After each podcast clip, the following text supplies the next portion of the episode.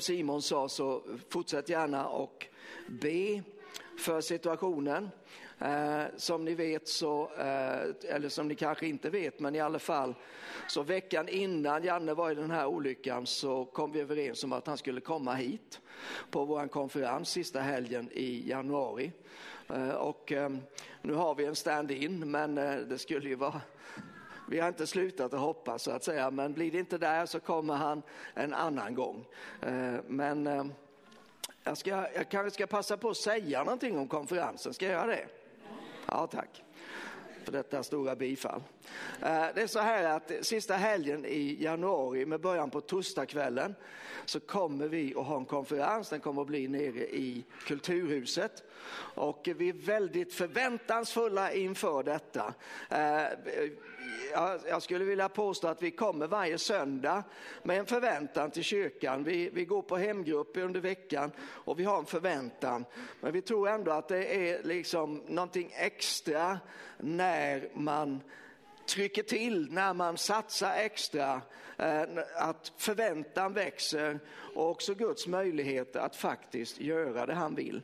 Och eh, ni vet kanske att vi för några veckor sedan eh, gav ut ett nytt album, lovsången här. Gud är här. Och det är härligt att nu på en månad så har det varit, var det 25 000 lyssningar på det. Det är inte så illa. Nej. Så det måste ju innebära att det är fler än vi som lyssnar på det. Halleluja, väldigt, väldigt härligt album, underbara sånger. Eh, och eh, har då titeln Gud är här. Och så har även eh, konferensen samma tema. Gud är här och vår bön, vår längtan eh, eh, är att Gud ska komma ibland sitt folk. Att Guds närvaro ska vara påtaglig. Att hans härlighet, som Bibeln faktiskt säger ska övertäcka hela jorden, att den ska bli, bli märkbar och att den ska få verka mitt ibland oss. Eh, så torsdagskvällen så börjar vi, vi har fantastiska människor med oss som medverkar. På torsdagskvällen så kommer Brandy Carano från eh, Barcelona, eller International Church of Barcelona, så tror jag de säger det. Eh, en talare som ni kanske har hört, en fantastisk predikant eh, som kommer och välsignar dig om du är där. På fredagen så har vi två möten tillsammans med Hope for this nation och det tror jag alla vet eh, vilka de är. Fantastiskt gäng från Göteborg. Vi känner oss så ett och, så välsignade ihop med dem. Så vi är jätteglada över att få en, en hel kväll ihop med dem. Så på lördagen så blir det en, en familje föreställning skulle man väl närmast kunna kalla det med Cirkus 9.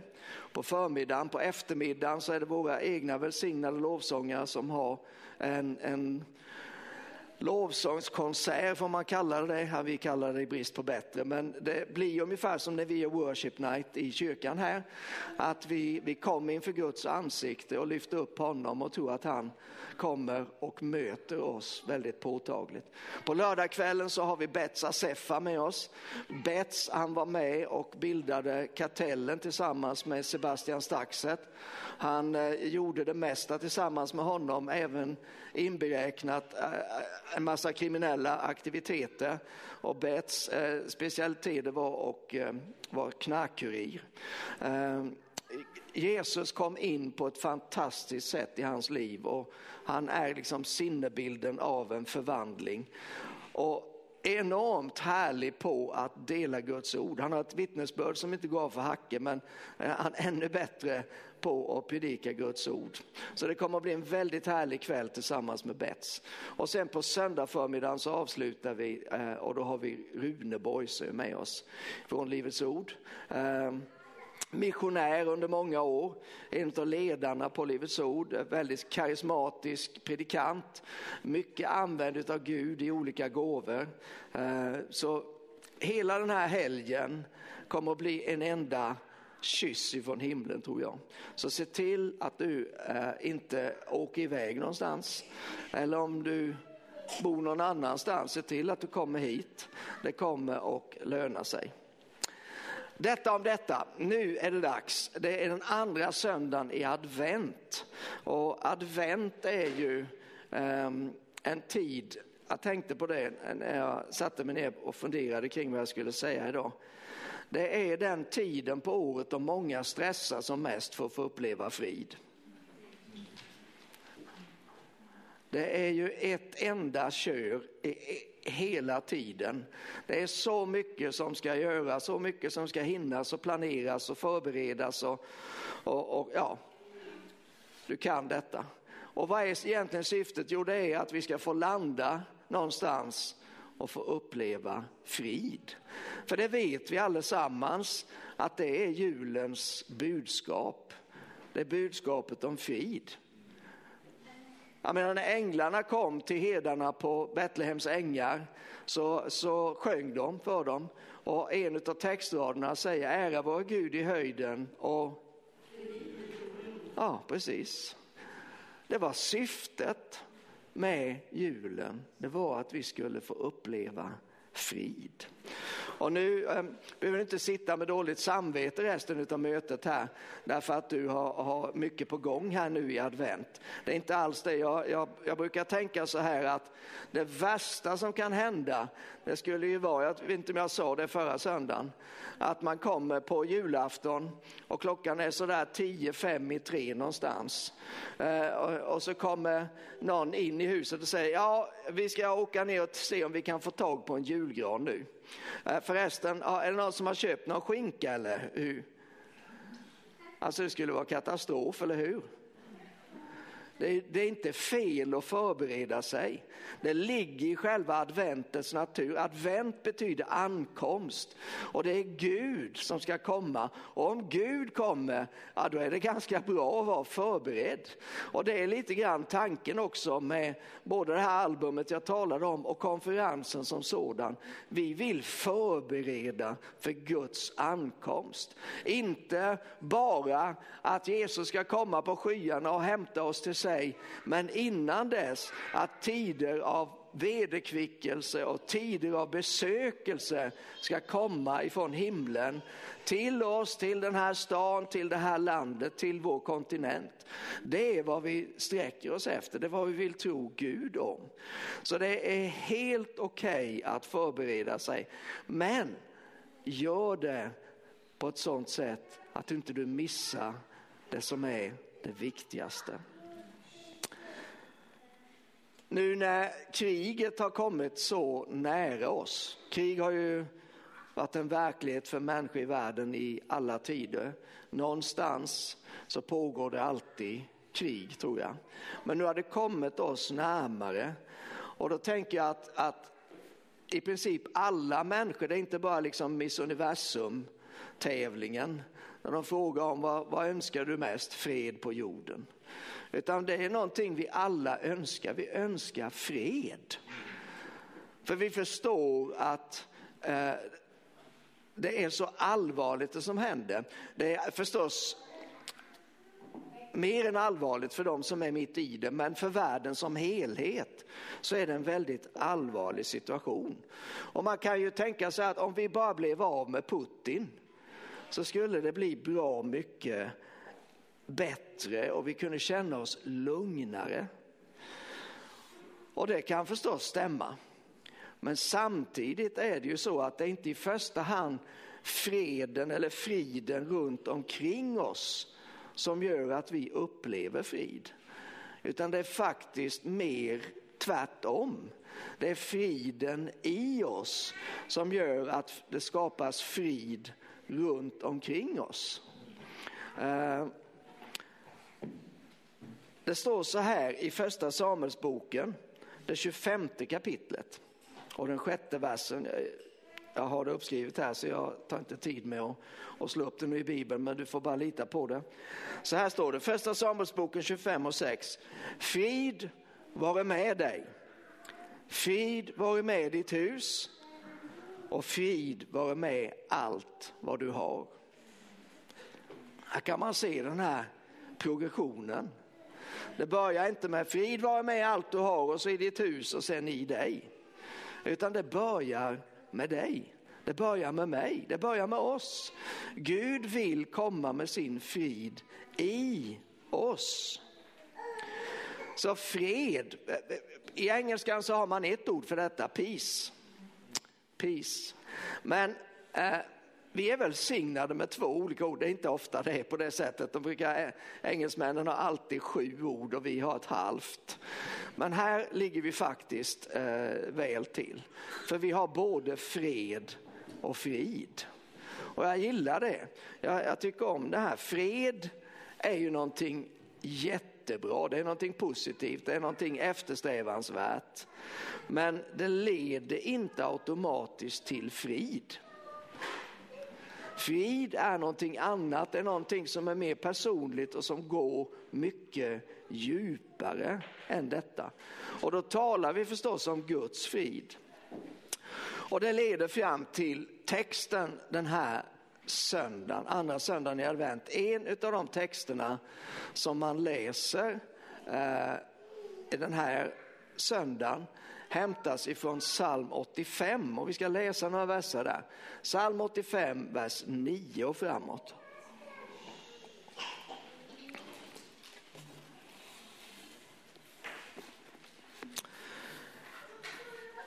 De som har varit med i den här församlingen sedan tidernas begynnelse, de kan komma ihåg att 1989 tror jag det var, så eh, fick vi upplevde vi ett ord ifrån Gud för församlingen och det var hämtat just ifrån psalm 85. Eh, och eh, jag vet att vi hade en banderoll som hängde i bygdegården i Örvik uppe på scenen. Och vi, vi, var det handdukar vi tryckte eller någonting?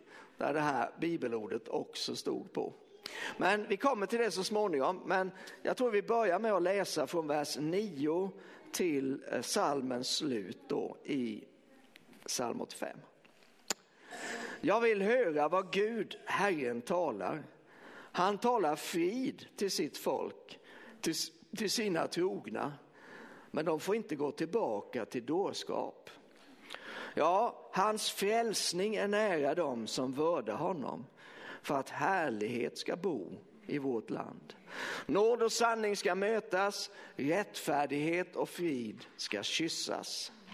Sanning ska växa upp ur jorden och rättfärdighet blicka ner från himlen. Herren ska ge det som är gott och vårt land ska ge sin gröda. Rättfärdighet ska gå före honom och bana väg för hans steg. Det är väl härliga verser. Han talar frid. Började med att säga, jag vill höra vad Gud, Herren, talar. Och jag hoppas att det är därför som du är här den här dagen, att du vill höra vad Gud har att säga. Eh, och Gud har ju mycket mycket att säga, men han kommer nästan alltid in från samma håll. Han eh, som vet allt om oss. Han som känner till allt som vi har felat, alla våra brister. Han som vet hur skröpliga vi är. Han som dessutom är fullkomlig. Han kommer ändå aldrig in ifrån fördömelsehållet, peka fingerhållet, lite förebrående i tonen. Utan han kommer alltid in och så säger han så här. Jag kommer med frid. Han talar frid. Han talar frid till sitt folk. En bibelöversättning säger, jag tror det är kärnbibeln som säger, det försöker definiera frid och säger att det är välsignelse på alla områden. Det är vad frid betyder. Om man, om man ser på själva ordet i Gamla testamentet så vet ni, ni kan allesammans allting, det vet jag ju. Men det heter shalom. Och det, det känner ni väl igen va? Har du varit i Israel någon gång så har ni blivit hälsade med shalom. Um, jag som växte upp i en pingstkyrka, Eh, jag var van vid att alla kom och hälsade på en och så sa de frid. Men när man säger det ordet frid så vad det egentligen betyder, eller ordet shalom då skulle jag säga, eh, som är vanligt förekommande i Gamla Testamentet betyder säkerhet, välmående, lycka, hälsa, välstånd, frid, favör, vila och helhet. Det är väldigt fina betydelser, eller hur? Det är vad Gud kommer och vill ge till oss. Han talar frid. Hans ord bär budskapet om välmående, om trygghet, om hälsa, om frid, favör, vila och helhet. Kommer man sen över till Nya Testamentet som mest är på grekiska så heter det Irene. Kanske någon här som heter Irene. Då betyder det ju frid. Det är fint att heta det. Och det betyder ungefär samma sak. Välstånd, enighet, frid, lugn och vila. Vila. Det är inte bara Hugo som är trött efter att eh, Gösta var vaken i natt. Utan vi längtar väl alla efter det där med vila på ett eller annat sätt. Frid ger vila. Han talar frid till oss. Vi ska bara se lite, lite närmare, eh, göra lite nedslag i de här verserna tänkte jag. Han talar frid till sitt folk, till sina trogna, men de får inte gå tillbaka till dårskap eller dumhet, kan det också översättas. Det är väl ingen som tänker att äh, men jag, jag vänder tillbaka till dumheten, men ändå så kan vi finna oss själva i att vi, vi vänder oss bort ifrån Gud. Att bli en kristen det är ju att omvända sig till Gud. Absolut nödvändigt. Men risken finns förstås att man vänder sig, kanske inte helt och hållet, men lite grann tillbaka. För det kan ju finnas saker där som verkar intressanta eller som lockar eller som drar på olika sätt. Men det är viktigt om man vill behålla friden att man inte går tillbaka till dårskap.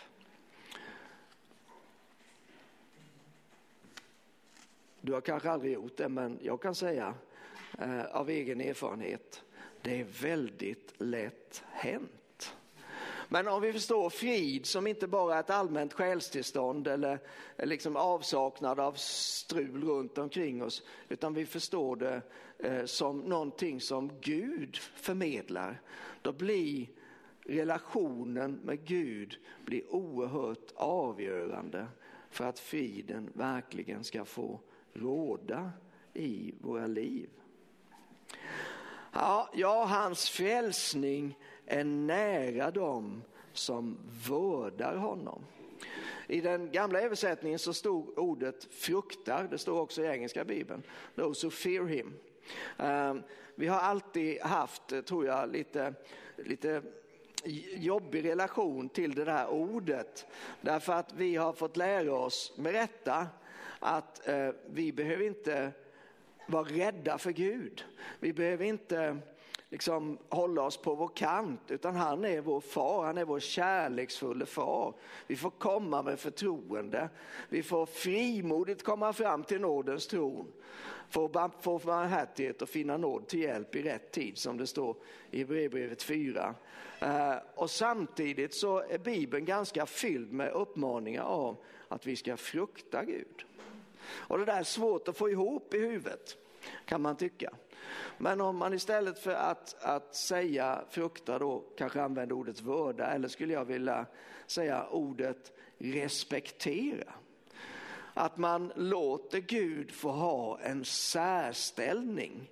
Eh, att hans ord är för mer än andra ord. Eh, att vad han vill är det som är vägledande i mitt liv. Att inte man gör som, ja, jag vet att det står det i Bibeln, men jag tycker i alla fall så här. Då är det brist på just den här respekten eller gudsfruktan.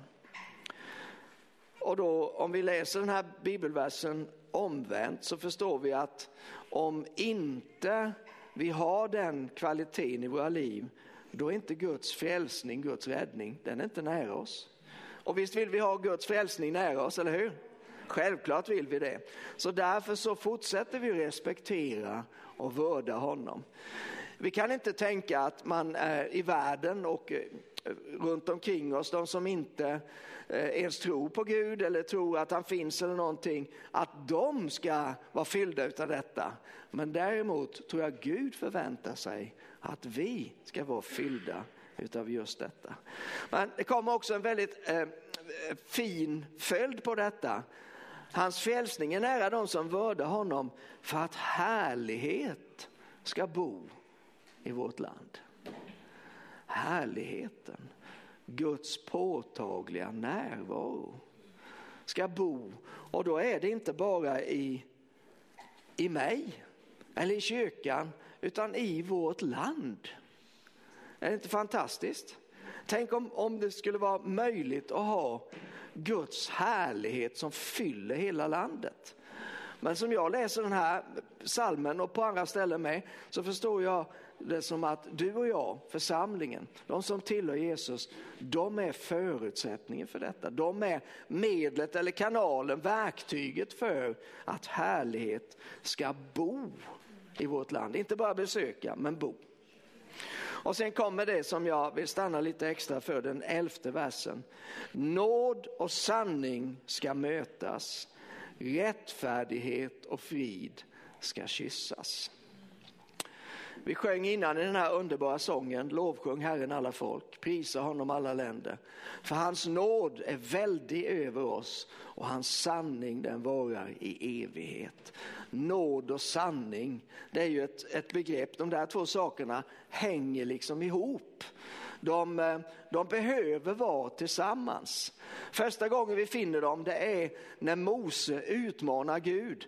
Eh, och, och eh, det är efter eh, att han har fått ta emot eh, lagtavlorna. Det är efter att Aron har gjutit en guldkalv. Det är efter att Mose i vrede har slagit sönder stentavlorna eh, och smulat sönder den här guldkalven och tvingat folk att dricka när han blandat det med vatten. Det är efter alltihop detta och det liksom står och väger. Vad ska det bli av oss? Kommer det någonsin Guds löften att gå i fullbordan? Finns det en framtid för oss överhuvudtaget? Har vi tagit, har vi gått för långt? Är vi förlorade? Men Mose, han är ju i bön för folket. Precis som du hörde pastor Janne här som säger hela tiden jag ber för, jag ber för, jag ber för. Jag ber. Mose han var precis på det sättet. Han bad och bönade inför Gud. För Gud var inte nöjd med hur det hade utvecklat sig. Men de är hela tiden där vid berget och där kan de ju inte stanna hela livet. Och så är frågan om hur kommer man vidare?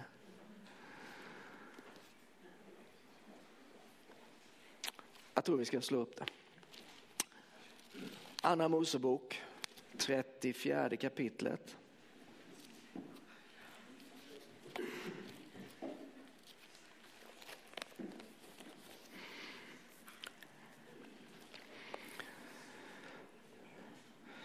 Gud säger till Mose att dra vidare. Och Mose säger, då måste du gå med oss. Nej, det håller inte, säger Gud. Um, vi är för olika. Det kommer inte att funka. Och då utmanar ju Moses Gud själv och säger att då kan du glömma att vi går någonstans. Du måste, vi, du måste gå med oss, annars klarar vi inte av detta. Och Gud, okej okay, säger Gud, jag gör väl det då. Och då vill Mose sträcka sig ytterligare lite till så han, han, vill, han vill ha liksom en bekräftelse på detta. Eh, och då säger han så här i, i det 33 kapitlet och vers 18 så säger han låt mig få se din härlighet. Och då måste vi hålla i minnet att Mose han var den som hade sett mer av Guds härlighet än alla andra någonsin, ever. Men ändå så säger, är han den som säger låt mig få se din. Han har umgåtts med Gud ansikte mot ansikte i tabernaklet. Han har varit uppe och talat med Gud uppe på berget. Och ändå är han den som säger låt mig få se din härlighet.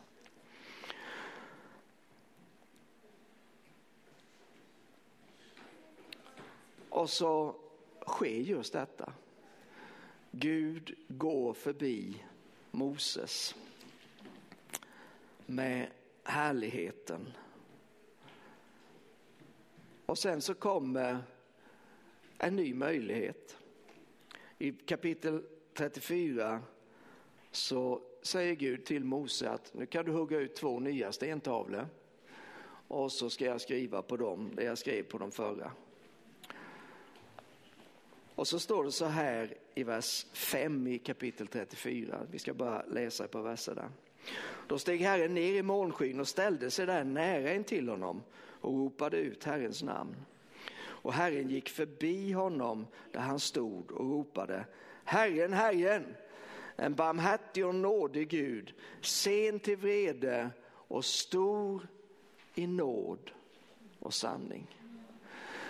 Så det här är inte någonting som Mose eller någon människa tänkt ut utan det var Gud själv som presenterar sig på detta sätt. Sen till vrede, barmhärtig och nådig, stor i nåd och sanning.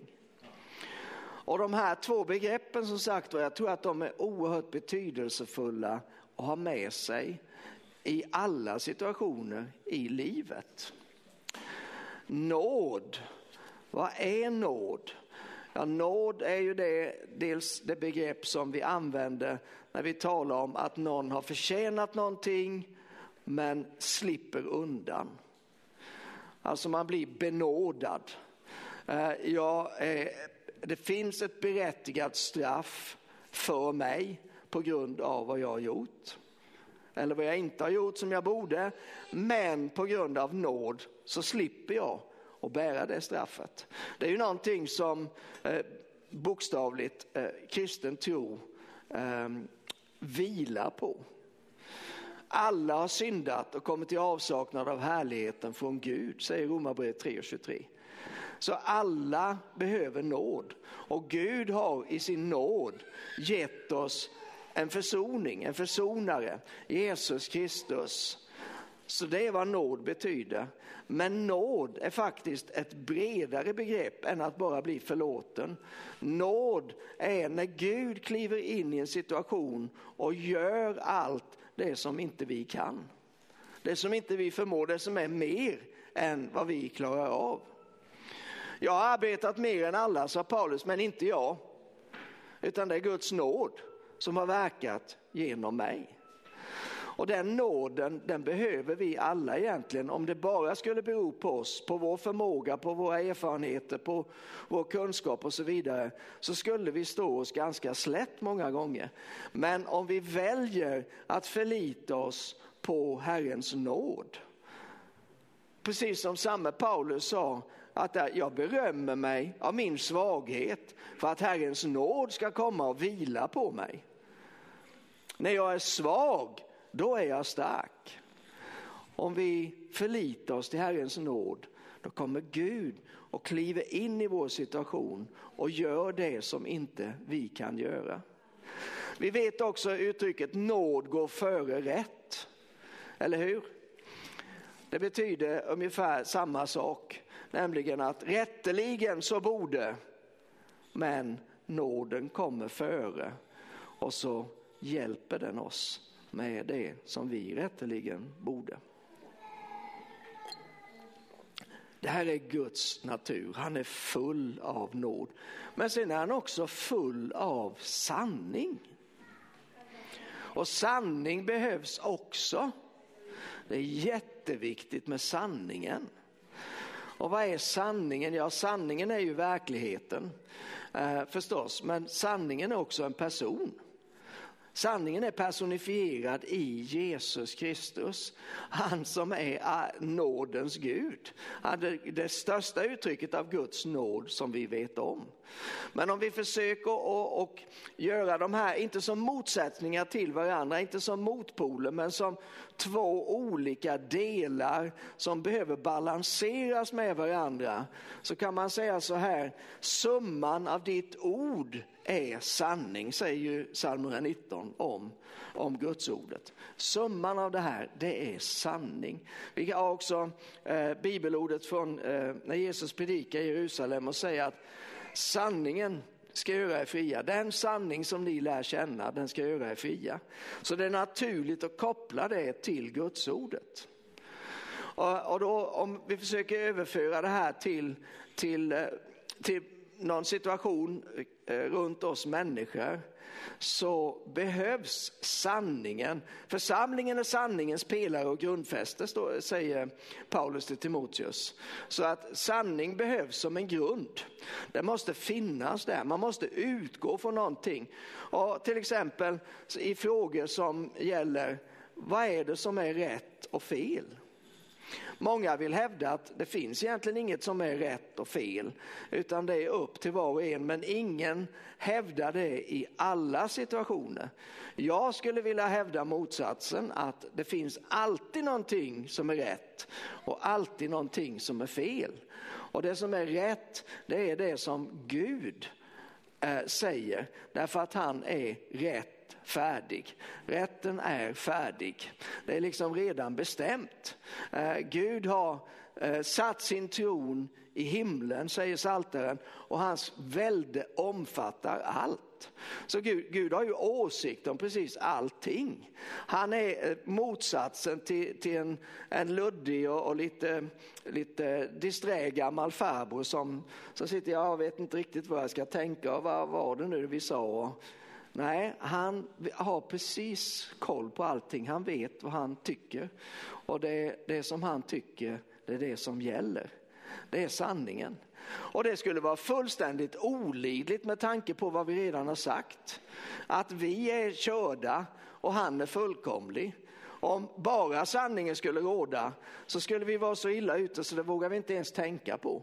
Men då är ju Gud full av nåd och sanning. Och då tänker jag att det behöver vi också vara. Och då, då tänker vi, när vi tänker på det så tänker vi, det är svårt. Ja, det är det nog. Men det är inte omöjligt. Och det är väldigt bra att kunna vara det.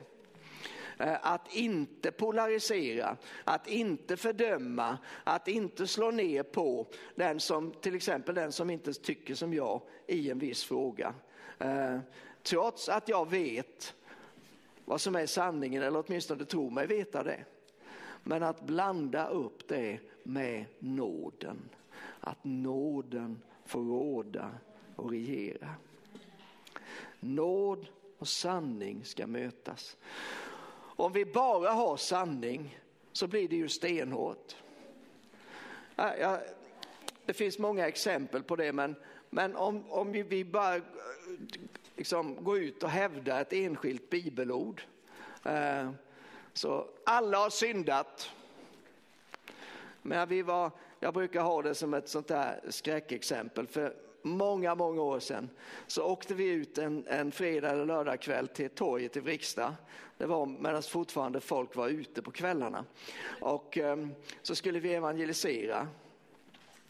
Eh, och så var det en eh, övertänd ibland oss. Det var mycket folk på torget. Det var ju, eh, det var ju mötesplatsen där, det var korvkiosken och, och så vidare. Och, så var det en som var lite övertänd i vårt gäng och som så fort vi har stannat på torget som slänger upp bildörren och hoppar ut och bara häver upp rösten och säger ni måste omvända er till Jesus annars går ni till helvetet.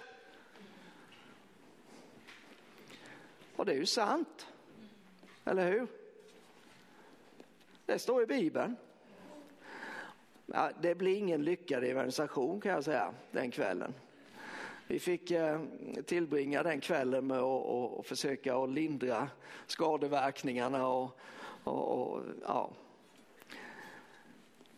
Så att en sanning i sig själv, den kan förstöra väldigt, väldigt mycket. Den måste komma tillsammans med nåden. Men om vi vänder på det och så säger man, men det är bara nåd, det är bara, vad var det Harald Andersson brukade säga, bara idel nåd. Eh, för det är ju också sant. Om inte det vore för nåden så vore vi, men vad blir det utav det? Om vi tar bort sanningen ifrån nåden så blir det ju bara äh, mjäkigt. Eller vad blir det? Har du något bättre ord för det? Alltså det blir ingen stadga i det. Det blir inte på riktigt. Utan vi behöver hitta ett sätt att balansera de här två sakerna med varandra. Nåd och sanning. Han säger här att nåd och sanning ska mötas. Jag ska bara ta en fras till i den här Eh, bibelsammanhanget och det är att rättfärdighet och frid ska kyssas. Det är ju härligt att kyssas, visst är det? Det är ingen som håller med om det. Ja, jag står för det i alla fall. Alltså det är ju någonting väldigt nära, det är någonting väldigt intimt, eller hur? Man går, man, en puss på kinden kan man göra i vissa kulturer så. Och eh, det är helt okej, okay. men en kyss är ju någonting mer. Det är ju det är väldigt få förunnat. Eh, eller man ger inte det till alla kan jag ska säga. Och vad är det då som kysser så här? Jo, det är rättfärdigheten och friden. Och vi är tillbaka där vid friden. Jag vill sluta där. Därför att jag tror att den här friden som vi alla längtar efter, som frid, eh, som världen verkligen söker, att den friden, den kommer ut ur rättfärdigheten. Eh, att den är en följd, frid är en följd av rättfärdighet. Och vad är då rättfärdighet? Jag skulle vilja säga enkelt uttryckt så är det att ha det rätt ställt med Gud. Det är rättfärdighet. Ehm, eller att ha en rätt ställning eller hur man nu vill uttrycka det. Eh, och jag tror att eh, om vi träffar människor som söker frid det bästa vi kan göra det är ju att peka dem till Jesus. Därför att om de får möta Jesus som är rättfärdigheten personifierad, då får de också del av friden. För Jesus är fridsfursten, eller hur?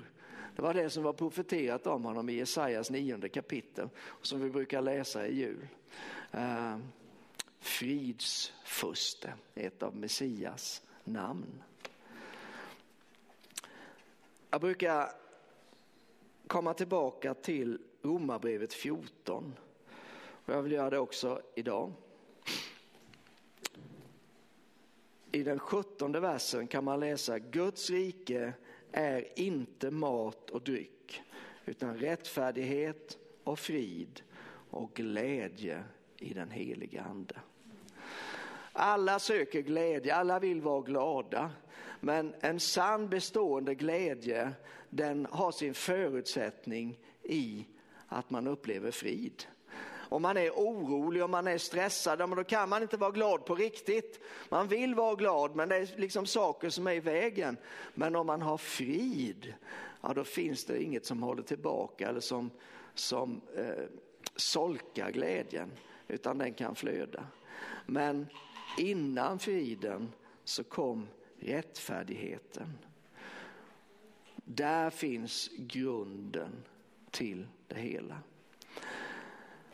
En av mina favoriter i Bibeln, han dyker upp i Domarbokens sjätte kapitel.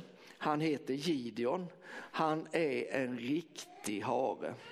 Han är så rädd och han är inte ensam om att vara det efter vad det verkar utan eh, alla i hans tid är kuvade, de är förtryckta, de, de eh, gräver hålor i marken för att gömma sig. De är verkligen, verkligen utsatta. Och mitt i allt detta så kommer Herrens ängel till Gideon med ett budskap som går tvärs emot allt vad Gideon upplever. Eh, och där Gud enkelt uttryckt säger, eh, du ska ändra på alltihop detta Gideon.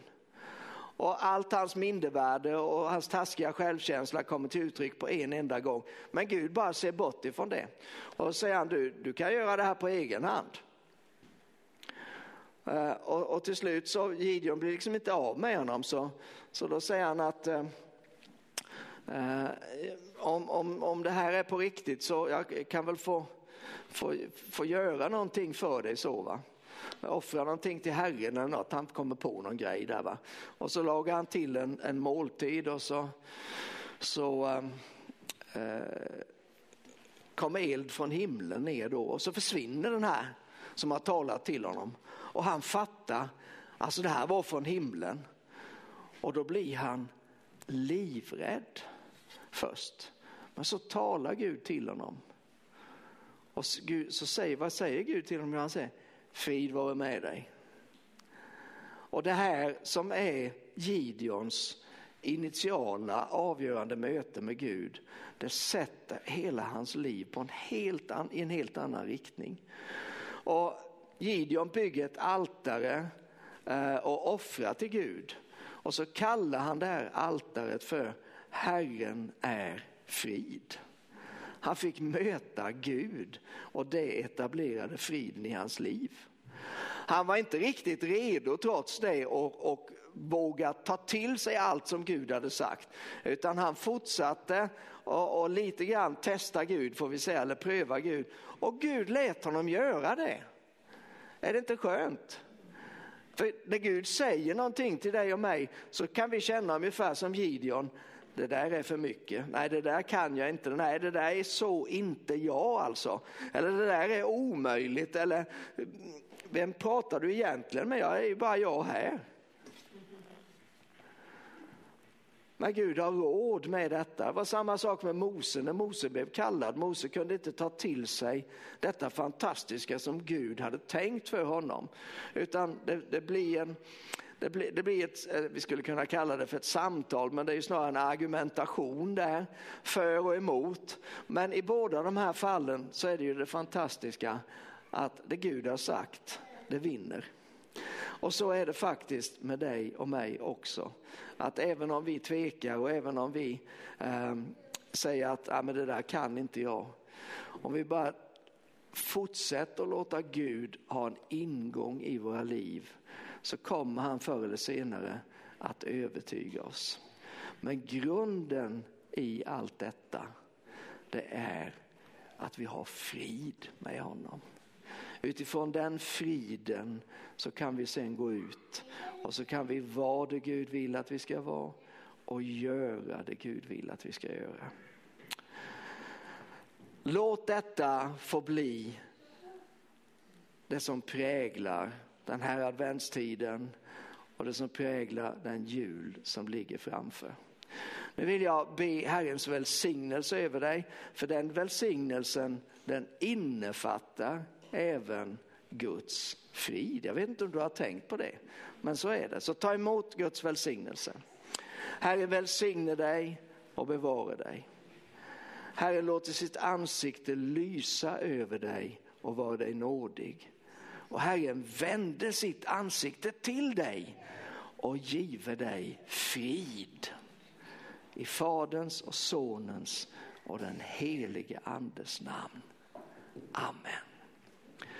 Herre så tackar jag dig för att din frid som övergår allt förstånd, den kan bevara våra hjärtan och våra tankar i Kristus Jesus. Jag tackar dig för den frid som, som du har gett oss, som egentligen är din närvaro i oss.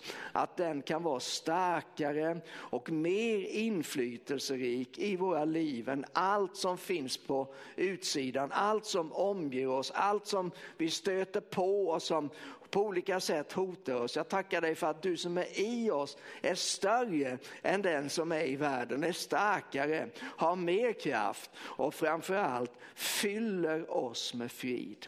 Jag ber här att den friden ska få råda, att den friden ska få leda, att den friden ska få segra i var och en av oss. I Jesu Kristi namn. Amen. Amen. Tack Jesus.